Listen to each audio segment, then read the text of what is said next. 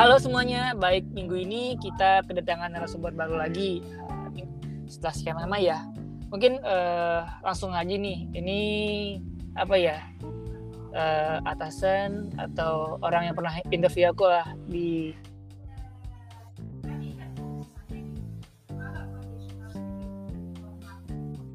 Mbak Hesti, halo Mbak. Saya dulu Mbak buat teman-teman yang dengerin podcast podcast kita minggu ini Mbak. Oke, halo selamat malam semuanya teman-teman Oya Talks. Perkenalkan nama aku Bahesti Zahra. Uh, saat ini aku menjabat sebagai social media specialist di hmm. salah satu company yang bergerak di bidang F&B operator. Oke. Okay. Oke. Okay. Gimana nih? Mbak Hesti kabarnya gimana Mbak? Ini aku nanya kabar lagi nih, nggak apa-apa ya? nggak apa-apa. Aku alhamdulillah baik-baik aja. So far so good. Gimana? Udah apa? Udah stres dengan dengan empat company yang dipegang udah? Healing, healing, healing kali mbak kerja mulu lu mbak sumpah deh. Aduh. Mana gitu ke Bali, ke Lombok, ke Labuan Bajo gitu ya. Aduh, gimana ya? Uh, so far baik-baik aja sih. Cuma emang kayak di pekan pekan kemarin deh kayaknya. Uh, uh, uh. Aku ada kayak bertubi-tubi uh, tugas yang apa sama-sama berat di beberapa uh. pekerjaan itu. Jadi uh sempat jenuh tapi sekarang baik-baik aja sih. Oke, ntar di tengah mungkin aku akan nanya ya gimana cara handle kerjaan empat company itu ya, berarti pintar deh. Tapi kita fokus ke yang ada di flyer ya. Sekarang okay. sebagai social media spesialis ya. Mungkin bisa bisa jelasin secara singkat nih Mbak, social media spesialis, uh, spesialis ini apa dan saat ini Mbak Hesti company-nya apa nih Mbak? Bergerak di bidang apa dan lain-lainnya gitu. Oh oke, okay. ya aku jelasin dulu untuk company-nya. Kalau sekarang tuh company aku uh, apa namanya namanya Upstep Indonesia. Yes. Uh, kita tuh bergeraknya sebagai F&B operator and consultant. Hmm. Kalau F&B operator itu apa? Jadi kalau misalnya teman-teman punya bisnis F&B, bisnis itu kuliner ya. Uh, biasanya ada beberapa orang yang kesulitan untuk memanage uh, bisnisnya uh, day to day gitu. Contohnya kan kalau misalnya punya bisnis F&B kan nggak cuma hmm. sekedar kayak datang customer jualan gitu yes. kan terus selesai hmm. tapi kayak ada banyak hal yang harus lo urusin misalnya dari hmm. mulai hmm. pemetaannya aja deh uh, analisa lokasi terus hmm. pembangunan hmm. sampai kayak branding hmm. lo ngurusin kayak bahan pokoknya gimana, terus laporan hmm. keuangannya, penjualan dan lain-lainnya. Nah itu biasanya orang-orang yang punya bisnis F&B paham lah kalau itu uh, cukup berat kalau misalnya dilakukan sendiri gitu. Hmm ada juga orang beberapa orang yang menganggap bahwa kalau misalnya mereka beli franchise atau kemitraan hmm. yang sekarang banyak banget ya brand beberapa brand tuh buka franchise dan kemitraan gitu hmm. mereka kira uh, selesai gitu loh dengan kayak hmm. gitu mereka udah bisa dapat untung udah bisa jualan udah bisa hmm. jalanin bisnisnya padahal kayak nggak gitu aja gitu misalnya hmm. kadang ada yang dia support cuma bahan baku doang, ada yang juga dia bantuin buat trainingnya gitu. Nah, kita sebagai F&B operator tuh bantuin bagi pemilik si, si pemilik modal atau si pebisnis ini untuk dia nggak repot-repot lagi ngurusin semua itu. Jadi semua itu hmm. akan dihandle sama kita yang memang punya tim profesional di bagian itu gitu. Hmm. Jadi bisnis mereka akan berjalan secara autopilot. Jadi lo tinggal duduk aja, per bulannya lo dapat dapat laporan aja kayak oh ini loh gross sales lo, lo ini kerugian lo, hmm. terus kayak eh, ini ini yang udah dilakuin uh, sama bisnis lo gitu. Jadi hmm. uh, si pebisnisnya punya banyak waktu untuk melakukan hal lainnya kayak gitu. Hmm. Nah itu kan biasanya ya. Jadi yes. kalau gue sebagai social media specialist di sini uh, yang gue lakuin adalah memasarkan jasa tersebut, hmm. uh, which is itu F&B operator dan juga uh, konsultannya itu. Hmm. Terus uh, caranya kalau social media specialist day to day-nya sebenarnya sangat boring ya sebenarnya kalau uh. boleh jujur karena lo harus melakukan satu hal uh, terus menerus setiap harinya gitu. Uh, maksudnya beberapa hal setiap harinya. Contoh kayak lo dari bangun pagi, lo udah harus mikirin gak harus pas bangun pagi. Jadi kayak lo di mana pun lo berada lo harus mikirin bahwa kayak konten apa yang sekiranya bisa menjual, konten apa yang sekiranya bisa menarik perhatian orang. Hmm. Kayak gitu. Dan biasanya gue punya table yang mana gue sebutnya dashboard atau action plan. Mungkin Yayo yang udah pernah kerja sama aku udah kenal iya, iya. ya sama action plan itu ya. Jadi di situ tuh banyak uh, banyak poin yang bakal kita masukin mulai dari research, mulai hmm. dari ideas sampai hmm. pembuatan konten dan juga hmm. guide ke tim desain atau tim video kayak gitu. Itu semuanya tim social media yang merancang. Uh. Jadi gue setiap paginya harus nyari ideas di berbagai hmm. platform. Yes. Kalau itu tergantung company-nya ya dia pakai platform apa tapi kalau gue pasti hampir seluruh platform tuh ada di HP gue jadi mau nggak hmm. mau kayak gue harus scrolling gitu hmm. Scrolling gue harus berbobot karena nggak hmm. bisa kayak scrolling sebatas untuk nonton doang ya. Kalau yeah, yeah, yeah. nonton aja gitu. Tapi se seorang social media spesialis dia harus kayak nangkep kayak nyocokin gitu. Cocokologi ya kalau bahasa hmm. ininya ya. Kayak hmm, misalnya ya kayak tren yang ini. Kayak sekarang misalnya ada lagu kan ya lagu siapa tuh? Aku coba. Ojo banding-banding ke Oh, itu yang oh, di di apa yang di istilah presiden ya? Betul, betul. Ojo ini tadi. Iya, banding banding gitu. nah, itu kan sekarang lagi jadi back sound segala uh, apa sih beberapa inian di reels TikTok gitu kan ya. Mm-hmm. Nah, itu gimana caranya kayak kita bisa berpikir kreatif agar maksudnya kita juga bisa menarik perhatian orang tapi mm. masuknya tuh ke brand kita atau misalnya mm. ke strategi pemasaran kita gitu. Mm. Tentunya nggak segala tren bisa dimasukin ya. Makanya yeah. itu social media spesialis selain research dia juga menyut uh, apa sih melakukan review, melakukan mm. apa ya?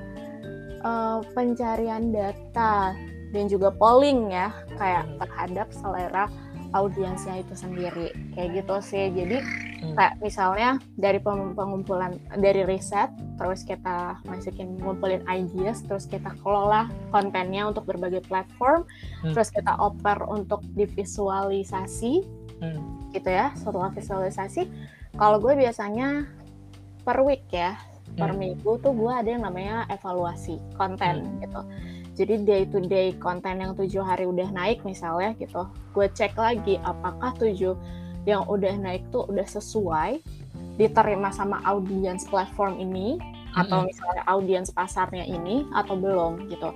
Dari situ nanti kerucut lagi tuh oh ternyata ini ini. Bahkan kayak sampai unsur desain unsur video unsur sound gitu.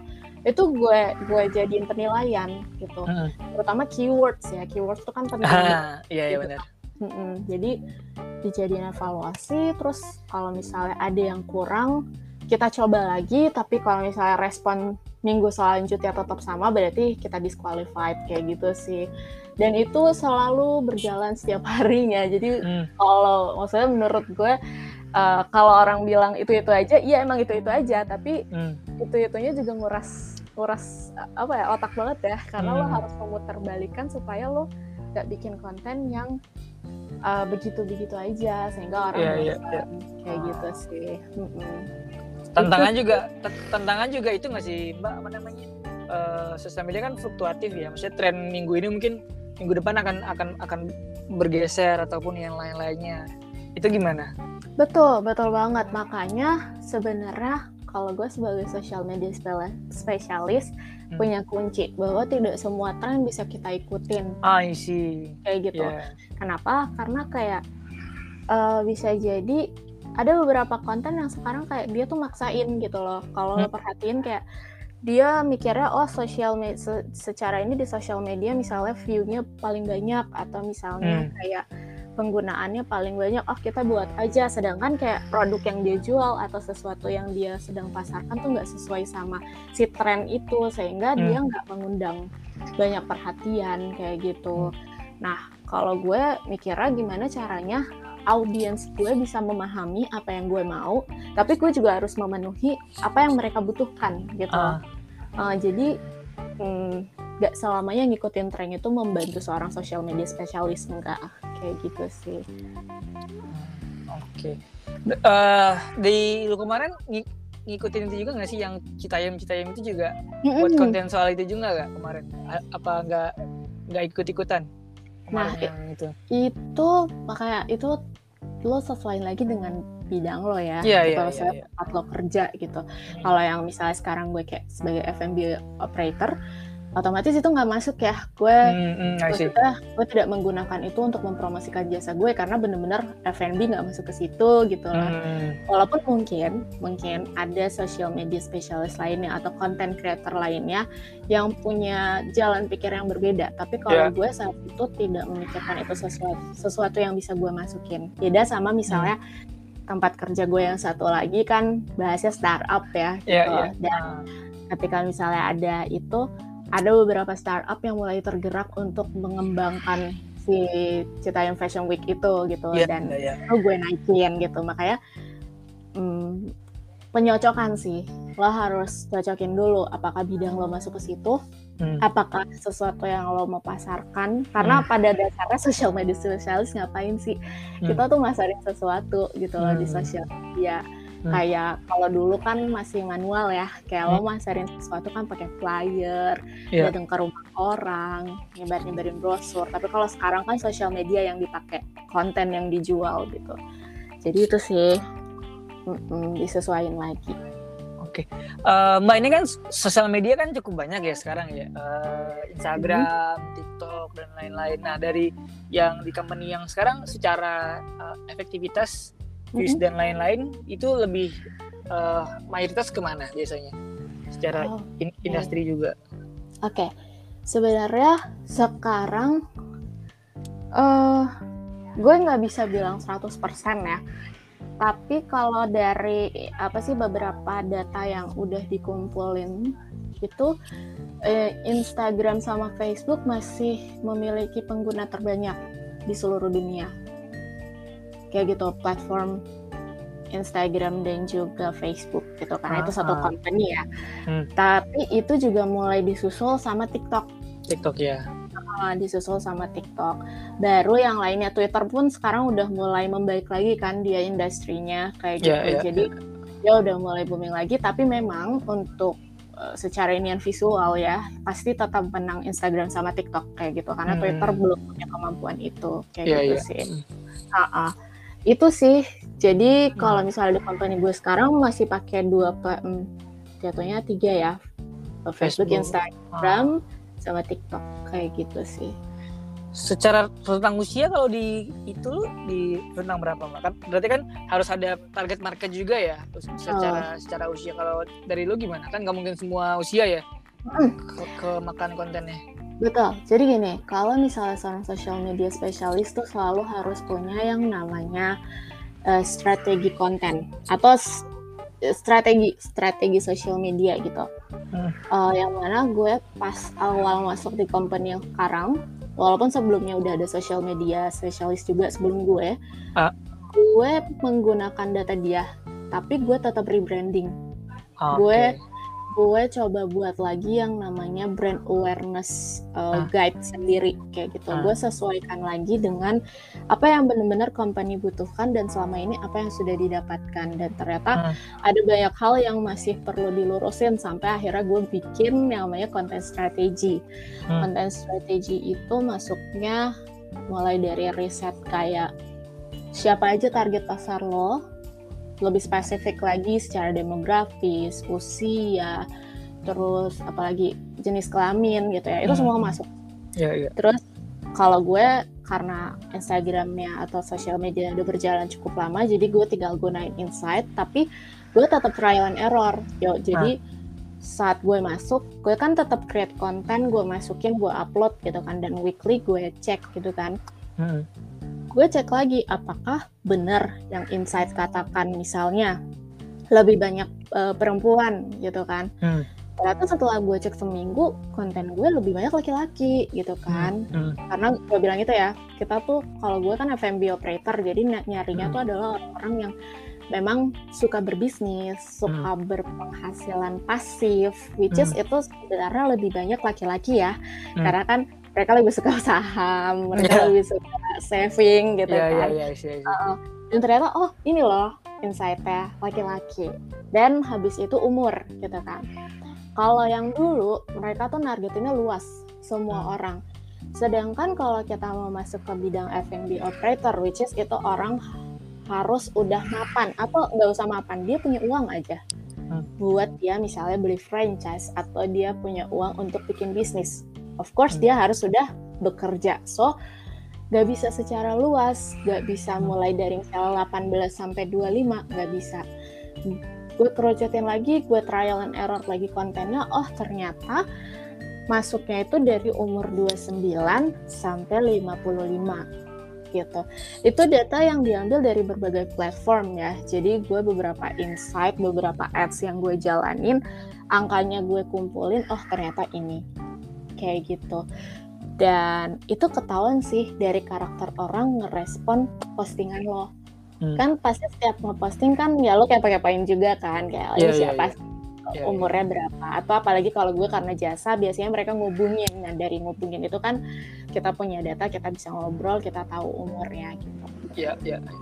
kayak gitu sih jadi bener-bener itu dari tri trial and error terus lo evaluasi itu lo baru dapat yang namanya pangsa pasar lo siapa nentuinnya gimana gitu. Dan harus sering karena uh, seperti yang kita tahu ya uh, manusia itu kan orang yang cepat mudah bosan ya. Yeah. mudah bosan ya nggak cuma di hubungan ya di segala hal tuh wow orang orang mudah bosan gitu kita kan. nggak bahas itu loh iya nah, terus, terus, terus. tapi kayak apa ya apalagi kalau misalnya lo mau jualan gitu kan lo yes. mau jualan tuh nggak bisa kayak kayak lo nggak narik perhatiannya dia apalagi yeah, sekarang yeah, kayak yeah. kalau lo inget dulu tuh kalau di bidang makanan ya gue bahas bidang makanan aja deh mm, mm. Kayak dulu tuh misalnya orang tuh suka banget sama yang namanya cappuccino cincau lo ada nggak di zaman itu ada, ada, ada, ada, ada, ada. kan? Atau nggak teh poci? Nah, kalau sekarang gimana coba kayak apa sih cappuccino cincau atau es kepal Milo? Apakah ya, ya, sekarang ya, ya, ya. ada? Nggak ada lagi. Nggak ada lagi kan? Ya, ya, kayak ya gitu loh maksudnya lo harus berinovasi lo harus yeah, iya, kreatif yeah, yeah. dan itu yang dilakukan sama anak sosial media oh, sosial yeah. media tuh sebenarnya apa ya an gimana ya maksudnya tim kreatif kan tim yeah. kreatif terdiri dari banyak divisi lagi tuh yo jadi hmm. kayak oh, kerjasamanya harus bareng-bareng tapi kalau kita as social media bener-bener allnya jadi lo bener-bener sampai yang tadi gue bilang ya riset dari pangsa pasar sampai ending gimana respon orang itu terhadap desain visual atau ads yang udah dijalanin. Kebayang gak sih role hmm. kerjanya gitu. Lautnya lebih banyak daripada misalnya kalau lo specifically hanya sebagai graphic design kan berarti evaluasi lo hanya sebatas kayak ya itu maksudnya kayak apa yang lo desain udah menjawab atau misalnya bisa menargetkan orang itu atau enggak gitu kan itu sih tapi kalau social media all allnya itu masuk ke dalam job desknya dia kayak gitu sih sangat butuh riset dan lain-lain ya sosial media ini karena karena fluktuatif juga nah hmm. uh, apa namanya tantangannya secara umum apalagi sih mbak di di, di sosial media apakah apalagi kan sosial media udah jadi bagian anak muda juga ya tapi kan ini hmm. apalagi kan anak muda juga banyak kerjanya jadi sosial media juga ngurusin URL mungkin dan lain-lain kalau misalkan dia buat konten ya. Kalau di Mbak Esi sendiri tantangannya seperti apa di sana sebagai sosial media, uh, sosial media spesialis? Tantangan terbesarnya itu tentu pencarian ide dulu sih. Ah, oke. Okay. Pencarian ide. Uh, karena eh pencarian dan uh, ini loh menghubungkan antara ide dengan produk lo itu tantangan yang cukup cukup sulit. Kenapa? Karena pasti ya maklum ya maksudnya kayak lo kalau memulai sesuatu pasti sulit. Ya nggak sih? Apalagi itu sesuatu yang berkaitan dengan ide dan lo harus out yes. of the box gitu. Kan. yeah, yeah, yeah. dan lo harus setiap hari harus punya itu.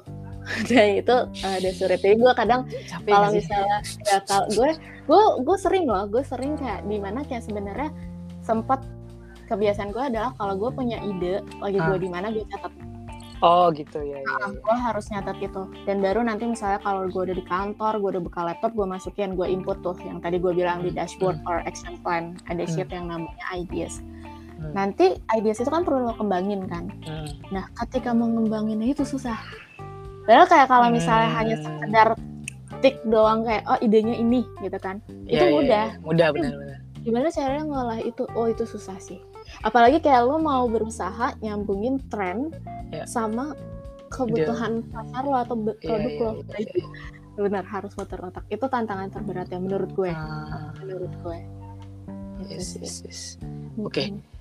gue mau keluar lagi nih, eh, keluar nih mbak dari bubble social media specialist kita ke Alright.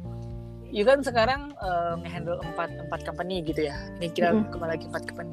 Nah, kalau secara personally gitu, uh, Mbak Hesti ini, you mau dikenal sebagai apa sih sebenarnya? Gue bukan bukan memper, mempermasalahkan uh, pilihan orang lah ya, Mm-mm. satu company atau empat company. Tapi secara fokusnya, uh, lu itu mau dikenal atau atau mau fokus itu akan spesialisnya seperti apa sih Mbak sebenarnya? Kalau Oke. dari lu personal. Oke. Gue sebenarnya kalau dibilang mau dikenal sebagai apa, eh gue nggak tahu istilahnya ya. Tapi gue pengen dika- diketahui sama orang tuh sebagai orang yang secara komunikasi baik verbal ataupun tulisan Yes. Baik. Oke. itu sih. Makanya tadi lo sebut empat ya, walaupun sebenarnya lima. lima job desk yang gue pakai itu semuanya sangat erat berkaitan dengan communication atau Communication. komunikasi. Mm. itu sih dan memang eh, gue orang yang kalau kata orang gue ekstrovert parah kata orang gitu ya gue Iya. ekstrovert parah walaupun gue kadang males ketemu orang tapi ya Iya, ya iya, udah gitu. iya, Maksudnya, iya, iya. eh, dari situ sih dari empat eh sorry dari lima pekerjaan yang gue pegang semuanya berkaitan dengan communication and public speaking Ah. dan itu sih sebenarnya yang gue pengen dikenal sama orang Oh, communication. Berarti lima company dalam satu tubuh kan bukan suatu hal yang mudah ya, Mbak ya. Maksudnya kan lu, lu akan mengorbankan waktu untuk main, untuk untuk keluarga mungkin ya, mungkin ya sekali lagi. Ini eh, dari dari perspektif gue ya. Karena kan Hmm. nggak nggak mudah ya, Mbak ya. Satu aja udah yang gue bilang tadi satu aja udah pusing minta ampun kadang kadang overload juga kan walaupun satu orang gitu ini lu secara waktunya cara nge-handle ini mungkin pertanyaan yang mungkin ditanya orang juga ya ke ke lu juga ya yang tahu Betul. uh, lu handle juga nah kalau di sini gitu lu harus uh, jawabannya lagi cara handle nya gimana sih mbak lu nggak Ah. lu, lu lu kan juga butuh hidup ya maksudnya hidup itu maksudnya butuh Tentu. butuh jalan-jalan butuh belanja tapi kalau nggak capek gitu gimana mbak Oke. eh pertama gue ini dulu ya, maksudnya gue jelasin dulu bahwa benar eh, eh, eh, gini, emang gak semua orang bisa. Jadi kalau misalnya orang ngelihat gue kayak kalau hmm. bisa, kalau bisa gitu, dan gue tidak akan menjudge atau langsung ngomong kalau lo juga bisa. Gue nggak bisa gitu, karena masing-masing tahu kapasitas dirinya. Dia lebih Ya. tahu gitu Hmm, kan hmm. kayak gue punya satu sahabat yang dia pernah mencoba untuk multitasking atau ngerjain berapa pekerjaan ternyata dia nggak mampu Iya, gitu. iya, iya. akhirnya dia eh, nggak mau ngelanjutin lagi tapi kalau Hmm. gue kenapa gue bisa balik lagi ke sebenarnya hobi lo sih Hmm, hobi gue karena melakukan beberapa hal itu udah sangat sering dari gue SMA dari gue. SMA udah sangat sering sehingga saat gue menjadikan itu sebuah sumber apa ya pencarian apa kebutuhan hidup ya terus itu money cuan lah ya cuan Ah, ya. ya. Eh, iya.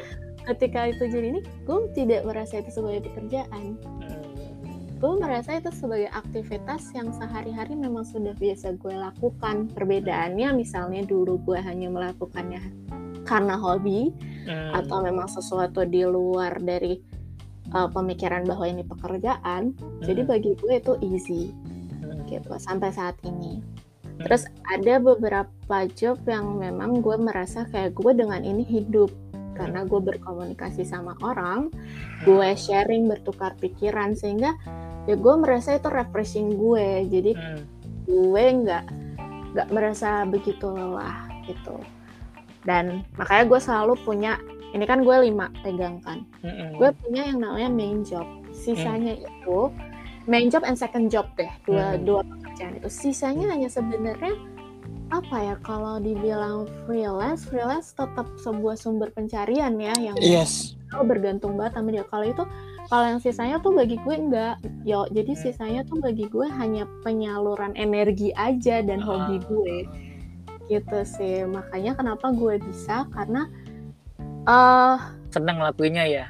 seneng ngelakuin ya. Dan gue pernah denger dulu gue kan dulu ikut sebuah organisasi internasional ya. Ya ya eh, dikenal sebagai PPI Dunia Perhimpunan Pelajar Indonesia. Iya. dan waktu itu gue sempat ikut simposium yang diisi sama Najla Shihab kakak kakaknya Najwa Shihab. Itu yang gue di fokus ke pendidikan ya nggak sih? Betul betul. Iya, iya, iya. gue di London terus dia ya. ngutip omongannya B.J. Habibie yang Hmm. bilang kayak kita nih punya waktu 24 jam hitunglah lo tidur 8 jam sisa waktu yang lo punya berapa jam gitu kan terus misalnya lo kerja di sebuah company yang lo tuh start kerjanya dari jam 8 anggap Hmm.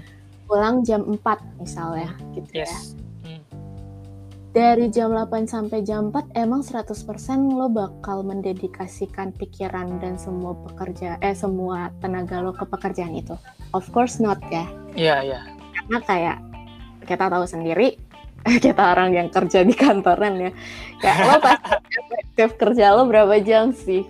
Paling dua jam tuh udah maksimal banget orang-orang ada lah misalnya sampai tiga jam sih saya lo ngapain berusaha untuk bertahan aja sampai jam pulang iya benar Oh, ya bener kan, bener kan, bener dong. Lu lu as HR ya sekarang iya ya, iya iya iya lu masih udah tahu ya, iya kayak iya gitu. iya, Maksud iya. gue kayak kayak gitu kan. Dan ya di sela-sela itu lo pasti bisa melakukan sesuatu yang bermanfaat.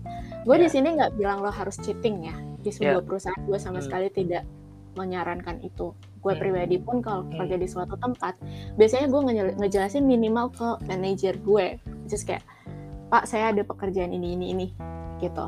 Dan Ah. gue misalnya akan menjanjikan gue di main job gue akan sangat apa fok maksudnya energi gue akan lebih banyak ke situ tapi gue Hmm. misalnya akan eh, ngerjain misalnya untuk pekerjaan lain misalnya minimal banget kayak eh, 10 menit 15 menit kayak gitu dan kayak gitu sih gue yang sisa waktu-waktu yang emang kayak di kerjaan misalnya yang main job gue udah merasa jenuh atau gue mentok atau gimana gue re- rehatnya tuh yang gue bilang ke hobi gue. Yang mana hobi gue juga berkaitan dengan job gue gitu. Kayak gitu sih. Nah pulang kerja juga kan biasanya tetap gue istirahat tetap ada yo. Nggak Iya. gue istirahat Eh, meeting meeting lagi anda. Mohon maaf nih malam meeting. Iya benar. Nah, Tapi gue maksudnya ada waktu istirahatnya. Gue iya iya istirahat iya. bener-bener nggak megang apa pun biasanya. Gue cuma natap misalnya entah tembok entah apa. bengong ya bengong enak ya Habis itu gue mulai lagi gitu. Baru gue ini yang lagi rapihin lagi kayak gitu. Dan gue selalu punya yang namanya gue dari dari SMA tuh gue membiasakan diri untuk menulis apa sih notes kayak to do list gitu loh ah tuh tulis ya dan merasa puas ketika misalnya di satu hari itu udah ada beberapa yang kecoret kan itu Ya. motivasi juga ya buat diri Iya, sendiri iya. oh ternyata gue berhasil loh walaupun Yes. misalnya ngerjainnya cuma lima menit tapi itu udah Iya. kelar gitu Hmm. dan dari situ sih gue mulai terbiasa nah yang tadi gue di awal sempat cerita ya gue sempat jenuh karena tiba-tiba ada tiga kerjaan gue yang sama-sama uh, punya beban yang berat nah Hmm, itu gue mulai sempat kelabakan tuh Hmm. ngerjain antara maksudnya membagi waktunya antara main job sama itu dan pasti itu ada gitu cuman Hmm. kesalahan gue waktu itu gue tidak membuat to do list kenapa Ya, ya. karena masalah dalam masalah bertubi-tubi datang Hmm. gue nggak nyatet yo gitu Hmm. sempat nyatet sehingga gue nggak tahu apa yang udah selesai apa yang belum yes nah itu yang nggak terbayang di gue dan akhirnya bikin gue jenuh dan gue selalu Ah. merasa bahwa kerjaan gue banyak banget gak kelar-kelar nah Iya. itu sih padahal kayak kalau gue mencatat aja dan gue misalnya bisa pisahin beberapa pekerjaan udah selesai gitu gue nggak mungkin berpikir setelah itu gitu baru kayak kemarin hari Sabtu ya kemarin tuh Iya. Kemarin tuh baru gue bikin lagi tuh list tuh tulisnya Hmm. kan gue pisahin dan hari ini tiga empat. Hari ini gue ada lima hal yang harusnya gue kerjain sekarang sisa dua. Wow. Dan dan rapi lagi gitu akhirnya pikiran gue lega lagi. Kan kalau Ah. kayak gitu kan lo bebas dari pikiran lo kerjaan lo banyak gitu Iya, karena iya, lo iya, iya. melakukan yang terbaik gitu. Loh iya iya ada timeline juga ya. Nah betul kayak gitu sih oke Oke. Eh, mungkin next question nih Mbak Hes. Ini kayaknya udah udah mau ke ke closingnya ya. Next Yes, question oke. dari dari gue personally gitu. Misalkan nih Mbak Hes, eh, lu dengerin podcast ini Mbak. Mm. Podcast ini lagi ya. 10 tahun dari sekarang gitu. Mm. Eh, apa sih Mbak yang mau lu sampaikan ke Mbak Hesti Zara di 10 tahun yang akan datang gitu yang lagi dengerin podcast ini? Gila, bikin haru banget ya. Eh, gue udah pasti gue mau berterima kasih sama diri gue Ah, yang mendedikasikan masa mudanya gak Hmm. hanya untuk dirinya sendiri tapi untuk orang sekitar juga. Karena jujur alasan gue bekerja ses se- mungkin kata orang segila ini ya. ya. segila ini tuh adalah buat gue di masa depan dan insya Allah anak gue. Amin. Tapi saat ini untuk keluarga dan orang-orang sekitar gue Mm-mm. juga gitu. Jadi yes, did a good job gitu. Buat diri sendiri ya. Ya, buat diri sendiri dong. Oke, dari lu sendiri nih Mbak, ada yang mau ditanya nggak ke ke gue Mbak?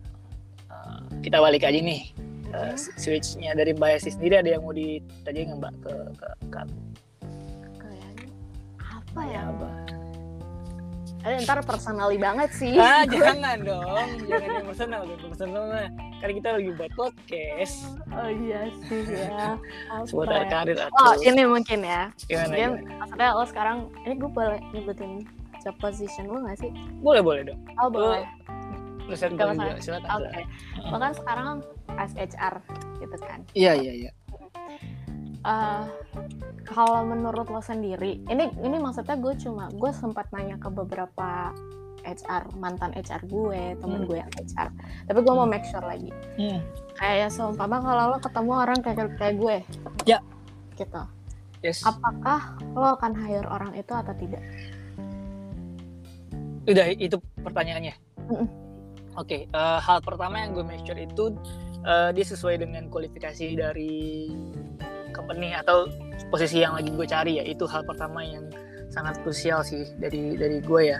Hmm. Bukan masalah backgroundnya kayak lu ini ya, ada empat atau lima lima company. Itu itu hal pertama ya. Kesesuaian eh, kualifikasi yang dicari gitu maksudnya. Dan ses- sesuai dengan misalkan nih mungkin ada ya posisi itu yang sama sosial media spesialis ya misalkan Hmm. contoh posisi eh, posisi lu sekarang tapi kan eh, isu di setiap company kan beda-beda ya. Iya, ha-ha. mungkin posisi yang sama tapi kan secara secara job desk mungkin rada beda nih. Nah kalau misalkan dari dari job desk yang dibutuhkan itu cocok dengan user Hmm. gue akan proses sampai ke interview user dan lain-lainnya gitu. Gitu sih kalau dari dari perspektif gue tapi kalau misalkan emang dari misalkan eh, ini simpelnya aja ya mbak. Kami Hmm. nyarinya eh, social media spesialis eh, yang spesifiknya A gitu. Ternyata lu juga bagus juga tapi lu lebih eh, cenderungnya social media spesialis fokusnya ke B gitu misalkan ya sekali lagi misalkan. Nah itu secara gue nggak akan gue lanjutkan karena secara kebutuhan user pun juga nggak nggak cocok gitu. Nah kalau dari gue secara sejauh ini gue sebagai HR mm, mandangnya gitu sih. Gue nggak gue nggak kalau yang company-company formal kan kadang dia lihatnya di luar-luar eh, apa namanya eh, eksternal lah dari dari dari kandidat ini. Kalau gue pribadi sih dia sesuai job listnya dan dia bisa bagi waktunya. Kalau untuk kerjaan mah dia tetap tanggung jawab dengan kerjaan dia. Kalau misalkan diterima ya Hmm. ya, ya bisa di, selagi tasnya dikerjakan eh, selesai ya ya lo bebas mau ngapain aja gitu. Gitu sih kalau dari perspektif gue ya. Saya kan kalau dari kami kan eh, kami hanya tahap awal ya. Tahap awal sampai ke user keputusan keputusan krusial tetap di user kan maksudnya Hmm. sebagai as a team juga user yang akan eh, kalau misalkan lu join misalkan gue lagi mau hire lu gitu misalkan gitu ya Hmm, hmm, hmm. Iya, lu cocok-cocokannya juga dengan user kan. Reportnya Hmm. pun juga akan ke user. Kalau dari dari perspektif gue sih itu sih Mbak Esti. Oh, I see. Oke. Soalnya gue pernah, ya, jadi gue pernah interview di salah satu company. Yes. Oh. Di company juga sih dia. Hmm. Dan saat itu gue yang gue bilang gue selalu jujur kan. Maksudnya gue ngasih tahu kesibukan gue apa terutama sabtu minggu yang bisa nggak bisa diganggu Iya iya iya lo sendiri tahu lah ya iya iya iya gue selalu minta request ke mereka sabtu minggu nggak ganggu gue bukan karena gue mau liburan bukan karena gue ada Iya. kerjaan lain gitu kan. Ah. nah terus saat gue ngomong kayak gitu dia kayak keberatan gitu loh yo Hmm. Kayak oh nggak bisa dong kalau misalnya kamu dibutuhin gimana gitu nah kan gue statement tersebut gue menyampaikan ke HR hanya untuk ngasih tahu bahwa di hari itu gue ada kesibukan gitu. bukan berarti kalau memang itu urgent gak gue jawab ya nggak ya nggak sih kayak gitu Mm. Iya iya. dan apalagi kalau misalnya apalagi namanya gue nggak tahu ya gue maksudnya uh, ini koreksi gue ya kalau gue salah ya Iya iya iya. maksud gue kayak ketika di kontrak ditulis ya lo Senin sampai Jumat berarti sebenarnya Jumat Sab eh, Jumat Minggu eh Sabtu Minggu lo nggak ada kewajiban Benar Iya, benar. benar, harusnya ya kan benar. tapi ketika gue ngomong kayak gitu respon dia langsung begitu gue langsung kayak oh apakah Ah. emang gak bisa ya diterima hal seperti ini gitu Ah, dan ah. ya udah gue sebenarnya dia tetap ACC gue waktu Hmm, itu hmm. gitu dengan statement bahwa eh, apa namanya tetap harus available kalau dibutuhkan gitu kan. Hmm. cuma dari gue nya sih yang mundur kenapa gue khawatir kalau di awal udah ngomong kayak gitu pasti keinginannya emang besar di Sabtu Minggu untuk gue join gitu. Maksudnya untuk tetap bekerja gitu ya makanya gue nggak nggak melanjutkan gitu. Makanya gue tadi nanya lo apakah sangat masalah kah hal ini? Hmm. Gimana Ya dari jawaban gue sih yang tadi ya kalau kalau dari Ah. saya kan tapi setiap eh, apa namanya ya setiap posisi pun juga punya perspektifnya masing-masing gitu. oh. Kalau dari kalau gue sih seringnya kalau gue pribadi ya kayak Hmm. emang kita kerjanya Senin sampai Jumat ya tapi kan ada tugas-tugas yang bukan kita diminta lembur tapi kita harus kerjain di di weekend karena biar nggak nggak numpuk di Senin gue biasanya gitu sih kadang-kadang ya tapi nggak tapi nggak yang nggak yang nggak yang harus kerja gitu lebih ke tanggung jawab sih yang banyak kalau ma- maka tadi gue juga mention juga maksudnya kalau lu kerja ya eh, tanggung jawab yang dikasih apa ya intinya lu kelarin itu ya udah selesai masalah. Kasarnya gitu lah ya selesai masalah. Tapi kalau misalkan lu dikasih kerja nggak kelar ya itu berarti kan tanggung jawabnya di di di, di employee-nya di, di personalnya bukan di di kegiatan yang apa yang dia lakukan gitu. Itu sih mbak betul betul betul betul. Itu sih. Ada lagi yang mau ditanyakan asik? Ah kayaknya udah sih ya gue Udah ya. Oke, uh, mungkin kita langsung di ini kalau podcast gue ini ada closing statement nih Mbak. Mungkin langsung aja nih uh, closing statement dari Mbak Hesti. Silakan Mbak untuk teman-teman yang dengerin podcast kita minggu ini. Ini mungkin mereka akan dengerin malam atau siang, pagi dan lainnya. Gitu. Oke. Closing statement dari gue adalah asik so bijak nih tapi bener sih maksud gue gini kayak eh, untuk anak-anak muda di luar sana asik anak-anak muda di luar sana kalau misalnya sekarang eh, lo tersadarkan bahwa masa depan itu adalah sesuatu yang sangat penting Ya. menurut gue lo harus memanfaatkan waktu lo semaksimal mungkin dan target lo harus dari sekarang eh, lo jadwalin jangan cuma sebatas angan-angan aja di, di atas kertas ke di atas kertas atau di pikiran lo aja. Dari sekarang lo harus melakukan aksi supaya nanti ke depannya tidak menyesal. Itu aja dan jangan lupa selalu dengerin Oya Talks bener gak sih gue Oya Talks Iya, iya, iya. ya oke Oke, uh, thank you Mbak Esti untuk waktunya setelah sekian lama kita buat schedule dan akhirnya terrealisasikan gitu. Dan Iya. dengan kesibukan masing-masing lah ya. Uh, sekali lagi thank you ya Mbak ya untuk uh, waktunya. Saya sudah dikasih waktu Mbak Esti nih yang berharga sekali asik. sama-sama makasih sekali. juga udah percayakan Eh, gue untuk mengisi satu episode di sini. Kapan-kapan uh, hack up lagi lah Mbak sama Mas Apri dan lain-lainnya. Oke. Indonesia gitu asik. Oh, sure, sure, sure. pasti, pasti. Kayaknya uh, anak-anak intern yang masih asing masih masih tahun kami lah ya mungkin ya.